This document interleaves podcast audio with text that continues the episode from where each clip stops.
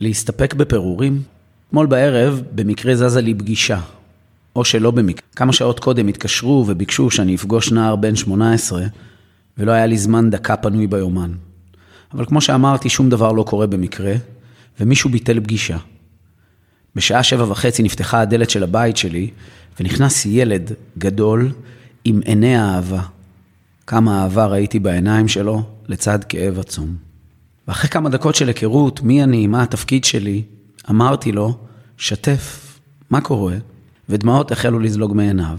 הוא מתחיל לשתף שלפני כמה זמן אהבת חייו נפרדה ממנו. מי אמר במקרה או שלא במקרה, מכל המאמנים שיכל לפגוש הגיע אליי.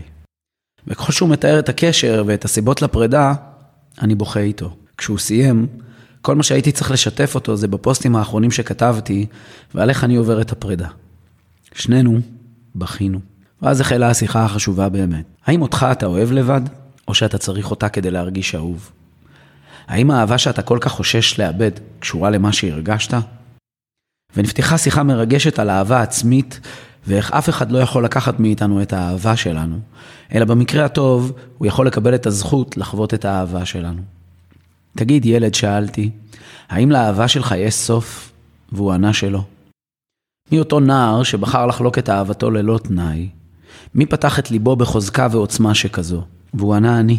אז אמרתי לו, אם ככה, יש לך אפשרות לחוות את זה עם כל אדם, לא? עכשיו, אני מניח שכמוני עכשיו אצל חלקכם עולה המחשבה, אבל אני רוצה אותו ואיתו.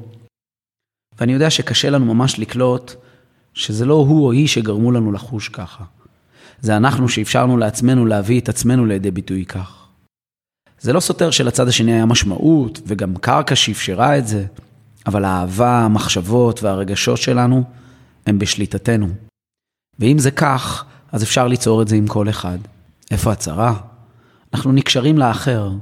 אנחנו מתחילים להאמין שבלעדיו זה לא יהיה אותו דבר. אנחנו משחזרים רגעים ותמונות ואומרים לעצמנו, רק איתו, רק איתה אני ארגיש ככה. אני לא אתווכח איתכם שיש לנו חיבורים אנרגטיים, תקשורתיים, מיוחדים, עם אנשים מסוימים, שאין לנו עם אחרים. זה ברור, כולנו הרגשנו את זה. אבל לצד זה שאלתי אותו, האם אתה רוצה להישאר עם מישהו שלא רואה בך את האיכות שאתה? האם תהיה מוכן להסתפק בפירורים ולו בשביל שהוא יישאר? והוא ענה שלא. בסיום נתתי לו ארבע משימות, את אותן משימות שאני בחודשים האחרונים עושה. אחד, לכתוב מכתב פרידה על האהבה שהסתיימה.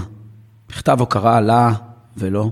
לכתוב מה הביא בקשר, הוא ספציפית, שיצר את האפשרות לפתוח את הלב בעוצמה שכזו.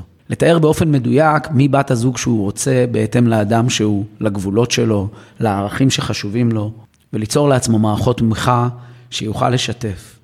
בלי שהן יהפכו להיות מערכות של יועצים או מטיפים או כל מיני, אלא חבורה של אנשים שפשוט קשובים לצורך שלו לבכות, לכאוב, ורק להיות שם עבורו. ממש אחרי שהשמעתי לו את השיר "יש לך אותך" של עקיבא, בעוד הוא בעיניים עצומות, אני בוכה איתו.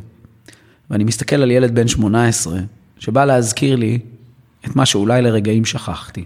כשהוא קם, חיבקתי אותו חיבוק חם, עוטף, ולחשתי לו, ילד, אני איתך, אנחנו נעבור את זה ביחד. הוא חייך בחיוך הקסום שלו, והדלת נסגרה.